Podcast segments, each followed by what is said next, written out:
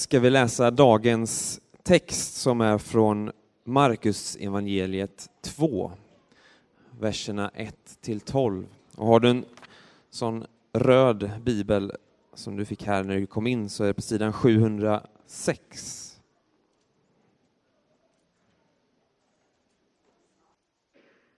Några dagar senare kom han tillbaka till Kafarnaum och det blev känt att han var hemma.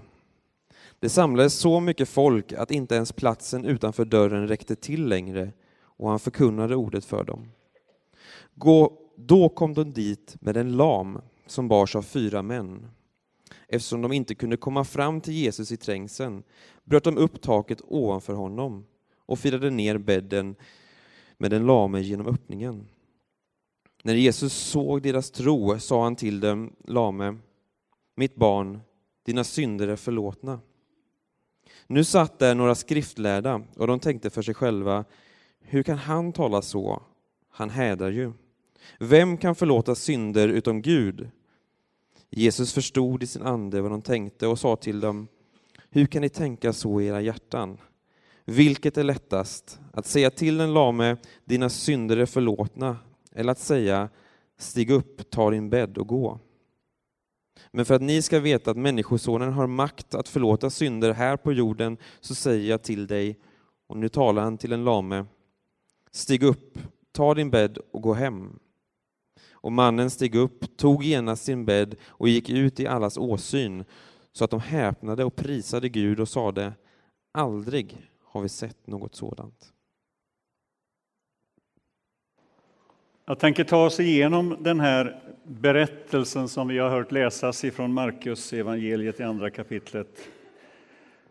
En eh, fantastisk berättelse med många bottnar och många djup. Och det kanske blir en liten annorlunda predikan. Och förhoppningsvis så blir ju varje predikan det. Så att vi inte står här och upprepar. Först några ord om Markus som har skrivit det här. Markus eh, skriver ju väldigt eh, direkt på, rappt. Det är liksom snabba bilder som växlar. Och en sak är klar, det är att Markus skriver för alla. Han vill att vi alla ska få del av de här berättelserna och att vi alla ska känna att, att eh, det berör oss, våra liv, där vi finns. Och den här berättelsen om den lame mannen som sänks ner genom taket, i den berättelsen finns egentligen allt det som hela Markus evangeliet handlar om. Jesus botar, Jesus anklagas, eh, Jesus erkänns som den store, som den, som den annorlunda, som mästaren, som människosonen. Och Jesus helar den lame, ger uppståndelselivet till den som vill ta emot det. Så här finns de här olika momenten som sen Marcus evangeliet berättar om. Och en nyckelvers i den här berättelsen och egentligen i hela evangeliet är Människosonen har makt att här på jorden, där alla finns, vi alla, att förlåta synd. Vi ska ta utgångspunkt i några meningar i den här berättelsen. Och vi börjar med den meningen där det står det blev känt att han var hemma. Jesus var åter hemma. Han hade en lägenhet i Kafarnaum. Han har troligen flyttat dit från Nasaret. Och tänk vad gott det är att veta att Jesus alltid är hemma hos oss.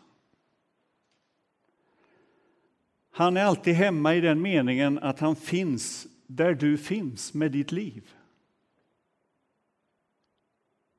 Jesus finns i dina drömmar, i din, dina ambitioner, i ditt liv som du kanske har svårt för att gå ihop. Han är hemma i det. Jesus är alltid hemma. Och det blev känt att han var hemma. Han är där du bor, där du arbetar, i skolan, var du än finns någonstans. Han är hemma i din strävan, i det vardagliga pusslet. Jesus är alltid hemma i våra liv. Ta med dig den, den lilla meningen från Markus. Det blev känt att Jesus var hemma. I veckan satt jag på tåget och bredvid mig sitter det en, en man. Plötsligt så ringer hans telefon. Och ni vet hur det är på tåg, man kommer inte undan samtalet. Och jag förstår ganska snart att det är med dem där hemma som man pratar. Eh, jag kan förstå det på att eh, han eh, använder ett språk och han låter lite annorlunda. Han pratar med sina barn. Eh, och jag förstår också efter ett tag att de ber att han ska koppla på Facetime, alltså så att man kan se varandra. Och det gör han. Och snart så är han på bild och hela familjen är på bild för oss alla där i kupén. Och pappan blir till sig och hans barn blir till sig. Och så säger pappa på sånt här barnspråk, kan du sjunga Sjörövar-Fabbe för mig? Och så sjunger den lille tvååringen Sjörövar-Fabbe för oss alla i kupén.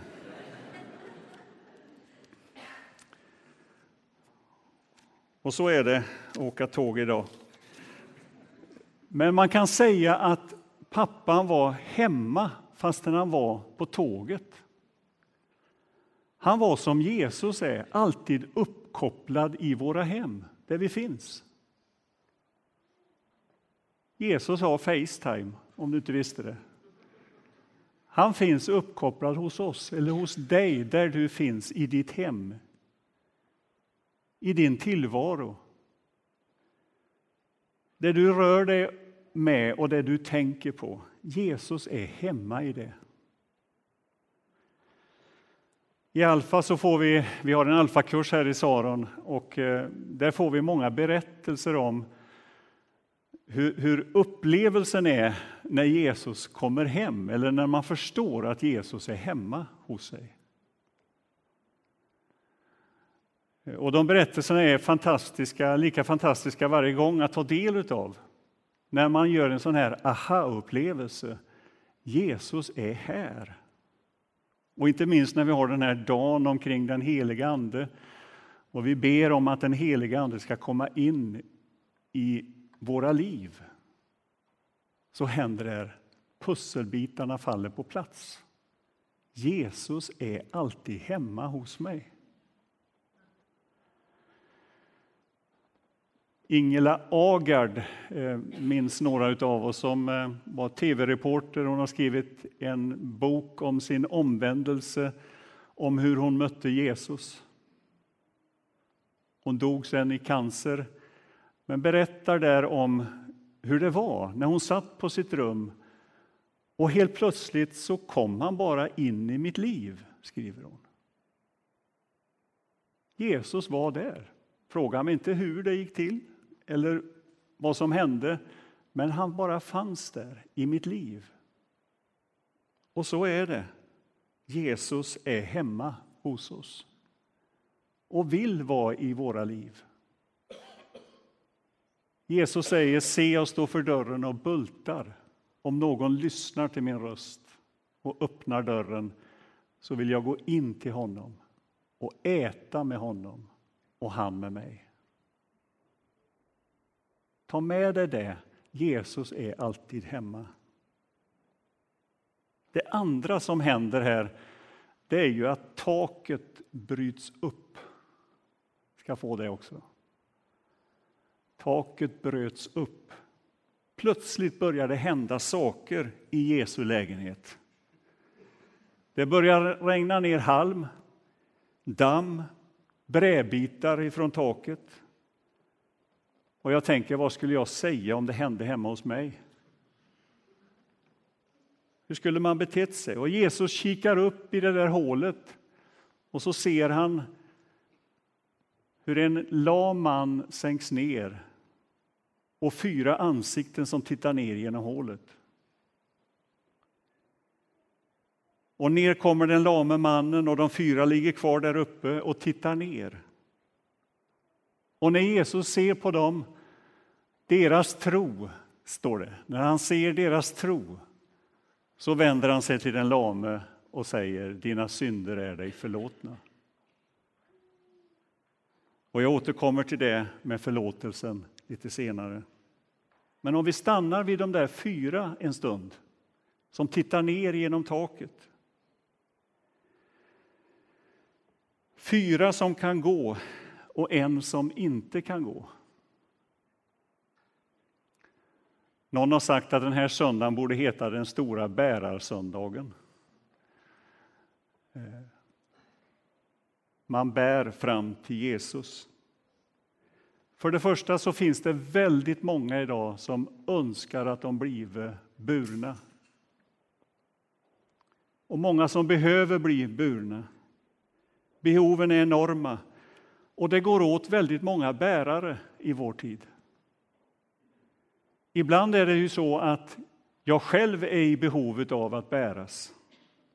Och då är det gott att veta att andra kan bära mig och ha tro för mig. Och så ska det ju fungera. Man kan inte undgå idag att ta del av allt, alla de som behöver bäras i vår tid, i vårt grannområde, i vår stad där vi finns. Man kan bara gå in på Göteborgs stads hemsida och läsa om att det stora behovet idag är att det skulle finnas bärare för ensamkommande flyktingbarn. Och där kan man läsa och få information om hur man bär sig åt för att vara en bärare. Vågar vi utsätta oss för det? Vågar vi utsätta oss för den, det behov av bär, bärning och att bära någon annan?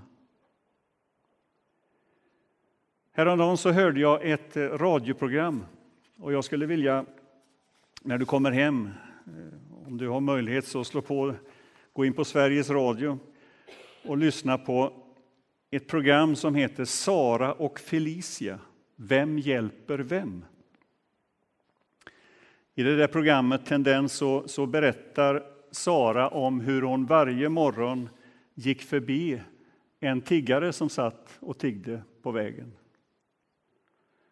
Och hon märkte efter ett tag att hon tog en omväg förbi för att inte utsätta sig för det.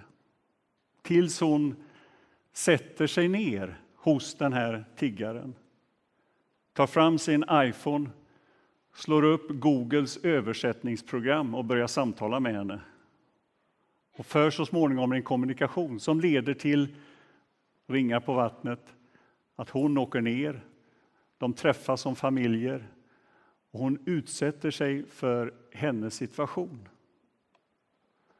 Och jag ska inte berätta hela den, den, det programmet, du kan lyssna på det. Eh, men det finns ett uttryck som Sara använder som jag stannade inför. Hon säger så här. Jag blev hjälpnödig.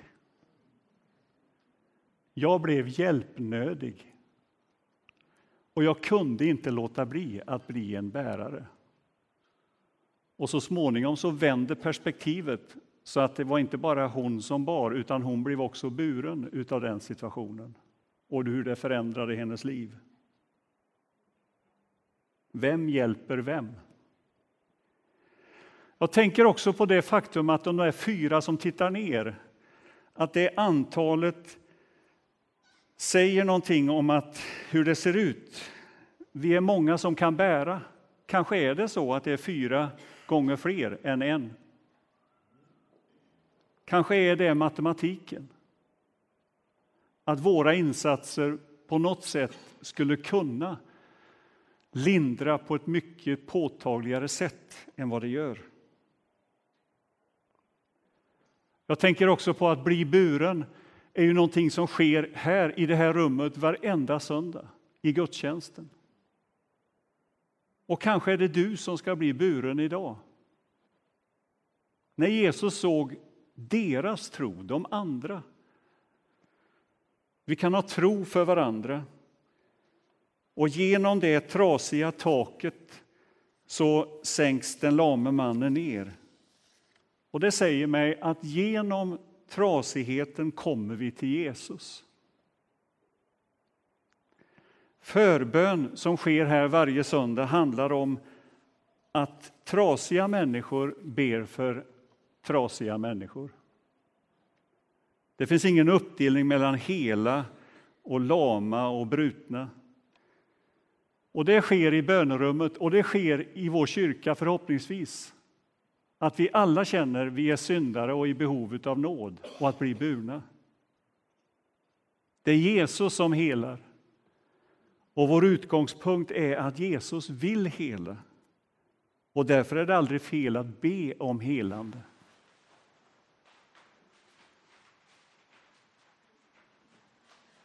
Nu går det hål i taket. Där. Behöver inte vara orolig, det blåser genom det öppna fönstret där uppe. Jag ska inte lägga för mycket andlig aspekt på det.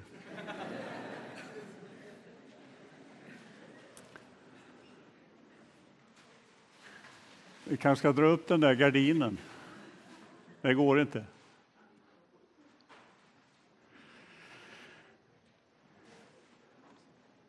Oavsett vad som händer, om det sker helande eller inte, så är det viktigt, och det säger den här berättelsen, att den som får förbön får känna sig omsluten och innesluten i omsorg, empati, i kärlek. Och församlingens stora uppgift, och som förebedjare så har vi vår stora uppgift att dela världens lidande och nöd och bära den fram till Gud. Jag tänker också på den bilden hur, hur den här lame mannen sänks ner inför Jesu fötter. Och att det är jag som sänks ner där. Och att där, mitt i församlingen, där Jesus finns, för han är mitt ibland oss, där kommer vi som vi är inför honom. Men församlingens uppgift stannar inte bara vid någon slags identifikation, även om den är viktig. Den är helt avgörande, att vi identifierar oss med våran, våra situationer. Utan församlingen handlar också om någon slags proklamation i den meningen att där visar vi att lidande och död inte är det sista ordet om den här världen. Vi förmedlar ett hopp. Och det sker på så väldigt många olika sätt. Genom att Gud helt plötsligt reser den lame upp, helar, befriar. Och ofta får vi berättelser om hur Gud har gripit in i mitt liv, inte minst i samband med vår förbön här. Han helade mig, han gjorde mig fri. Men det sker inte alltid. Men vi är med och bär varandras bördor. Och vi visar omsorgen och vi förmedlar förlåtelse och försoning. Och så hävdar vi ett väldigt stort anspråk, nämligen att förgängligheten är inte längre sanningen om tillvaron. Vi dör fortfarande, men inte till utplåning. Jesus Kristus har besegrat döden. Och det tar vi med oss, det hoppet lever vi. Och varje gudstjänst är ju en samling för att fira Jesu uppståndelse. Proklamera det, säga det, sjunga det, att Jesus lever och att han bär denna uppståndelsekraft vidare ut till oss. Så den avgörande frågan är alltså inte om Gud vill hela, utan när det ska ske. Idag, imorgon eller i framtiden. Alltså det handlar mer om tid än om tro. Och Guds helande av skapelsen har börjat. Och var så säker att det helandet fortsätter tills allt är helat.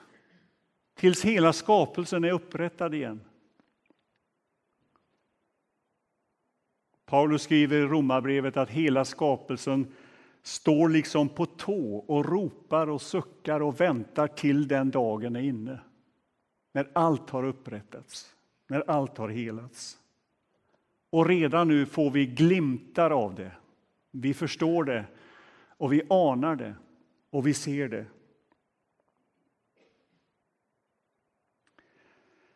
Och så säger Jesus till den lame mannen, mitt barn, dina synder är förlåtna. Och det är klart att man kan ju tänka så här att om, om någon tar i sönder taket så kan man ju säga till den som gör det, jag förlåter dig. Men jag tror att den lame mannen känner att, att det här går djupare och de som stod omkring förstod att det här tar djupare än att det handlar om ett hål i taket. Det här går ner i, i den här mannens innersta rum. In i hans förlamning, som inte bara handlar om en fysisk förlamning. Utan det finns så mycket som kan göra oss förlamade. Mannen var säkert förlamad på flera nivåer. Andras uppfattningar, egna begränsningar. För de skriftlärde som satt där och såg allt detta hände, hända, de var, för dem var det självklart att mannen som låg där var lam därför att han hade syndat. Och Jesus säger inte att det finns en koppling, utan hans poäng är att vi alla behöver förlåtelse och att Människosonen kan förlåta synd. Jag tänker mig ofta den här berättelsen som en slags schackparti där Jesus gör ett genialiskt drag. Han möter dem där de står, de skriftlärda, i deras uppfattning och visar dem poängen att Människosonen har makt att här på jorden förlåta synd. De som trodde att synd och sjukdom hängde ihop. Och Jesus befriar den lame mannen helt och fullt. Tänk vad vackert förlåtelse är. Och tänk vad förlamande oförsonlighet är. Förlåtelse är en gåva till Gud ifrån, ifrån, till oss från Gud. Guds impuls det är att förlåta. Han möter oss med nåd och barmhärtighet. Och Jesus möter den här mannen precis där han står, i sin tankevärld, i sin låsning och befriar honom. Det finns inget vackrare än förlåtelse. Och det finns inget svårare än förlåtelse. Det är svårt med förlåtelse därför att det utmanar min stolthet, min prestige. Jag har berättat det förr om en upplevelse som jag hade, en av de starkaste upplevelserna jag har varit med om i min tidiga pastortjänst, om jag får säga så. En konflikt hade uppstått. Två personer stod mot varandra som i sin tur hade involverat många andra. Till slut var det två stora grupper som låg i oförsonlighet och strid med varandra. Vi utmanade till ett möte, en samling, för att ta upp det här och på något sätt reda ut den här krångliga och besvärliga situationen. Vi sätter oss i ett stort rum. Den ena parten satt där och den andra parten satt långt bort. Kroppsspråk och allt talade om jag tycker inte om dig. Jag har något emot dig. Och där satt jag mitt emellan och försökte beskriva situationen och vilka konsekvenser den hade fått. Och plötsligt så händer det. Den ena mannen tar sig de där fem sekunderna att gå över, rum, över golvet till den andra mannen. Och jag satt där och höll andan. Vad ska hända nu? Och så säger han, kan du förlåta mig för vad jag har gjort? Och helt plötsligt så händer någonting i det där rummet. Och den andra mannen som satt där reser sig också upp. Och plötsligt så står de där och omfamnar varandra.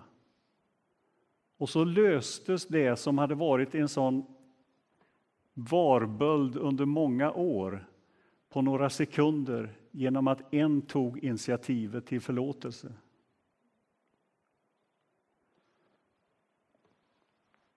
Vad det handlade om var en struntsak egentligen. Det var en sten som låg på fel sida om tomtgränsen. Men den hade lett till det ena och det andra och så småningom var det en stor konflikt.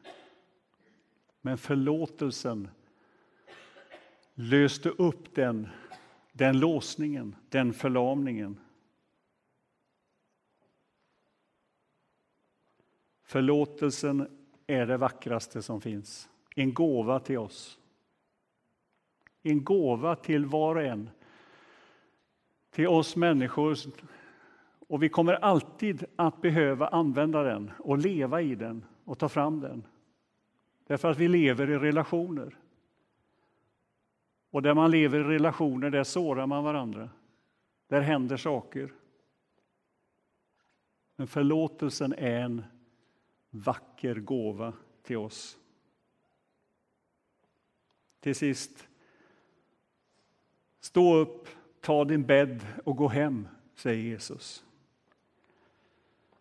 Och kyrkan har sagt och gjort det här i alla tider. Alltså, vi sträcker oss genom hålet i taket. Vi tror på Gud och att han själv har gjort hål i taket och kommit ner till oss. Alltså Jesus har bildligt och bokstavligt banat en väg in i vår utsatthet, in i vår instängdhet och gjort ett hål i taket. Och vi är öppna för och sträcker oss upp mot den öppningen att Gud kan gripa in i våra liv. Att Gud kan göra det där oväntade. Att Gud kan lösa oss ur förlamningen. Att Gud kan befria oss från synd. Och vi öppnar oss för att förgängligheten inte längre har sanningen om tillvaron. Utan det har oförgängligheten, evigheten har trängt in. Guds rike är här. Förlåtelse och helande finns för oss i vår utsatthet. Och vi uttrycker vår delaktighet i människors liv. Att Gud ser vår värld. Vi ber för att Guds rike ska komma mer och mer. Och vi säger till varandra att Gud existerar inte på avstånd ifrån den här världen, utan han är alltid hemma hos oss, var vi än är. Att vi får ta emot förlåtelse och befrielse och helande och så ger vi det vidare till en värld som blöder och behöver det. Och till sist skulle jag vilja säga så här. Bryt upp taket över ditt liv. Alltså, hur kan det se ut för dig där du finns? Kanske handlar det om att bryta den onda cirkeln som du just nu befinner dig inom. Kanske det handlar om att ge förlåtelsen vidare till de människor som kanske har gjort dig illa, som kanske har sårat. Bryt upp taket och öppna för den den möjligheten. Kanske handlar det om att ta initiativ till förändrade vanor i ditt liv. Kanske det är att bryta upp taket. Och så får du och jag, där vi finns i våra liv, tänka igenom vad skulle det innebära för mig att bryta upp taket? Att på något sätt rikta mig mot någonting annat att bryta den onda cirkeln. Att kanske ta ett steg och säga Jesus, nu, nu kommer jag till dig. Jag vill förändras. Jag vill förnyas. Kanske handlar det om att uppliva den gåva som du en gång fick och som du inte använt på så många, många år. Kanske det är att bryta upp taket. Kanske handlar det om att komma nära Jesus. Kanske handlar det om att idag i nattvarden och i förbönen ta ett beslut, en viljeinriktning, att släppa in Jesus i sitt liv. Att gå härifrån och känna, ja men nu är det dags att ta itu med den situation, vad det nu än är.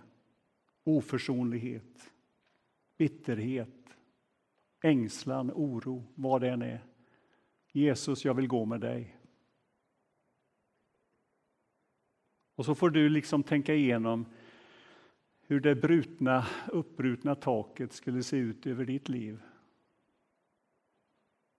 Där vi får komma med vår trasighet, vår utsatthet, vår förlamning och helas utav honom. Amen.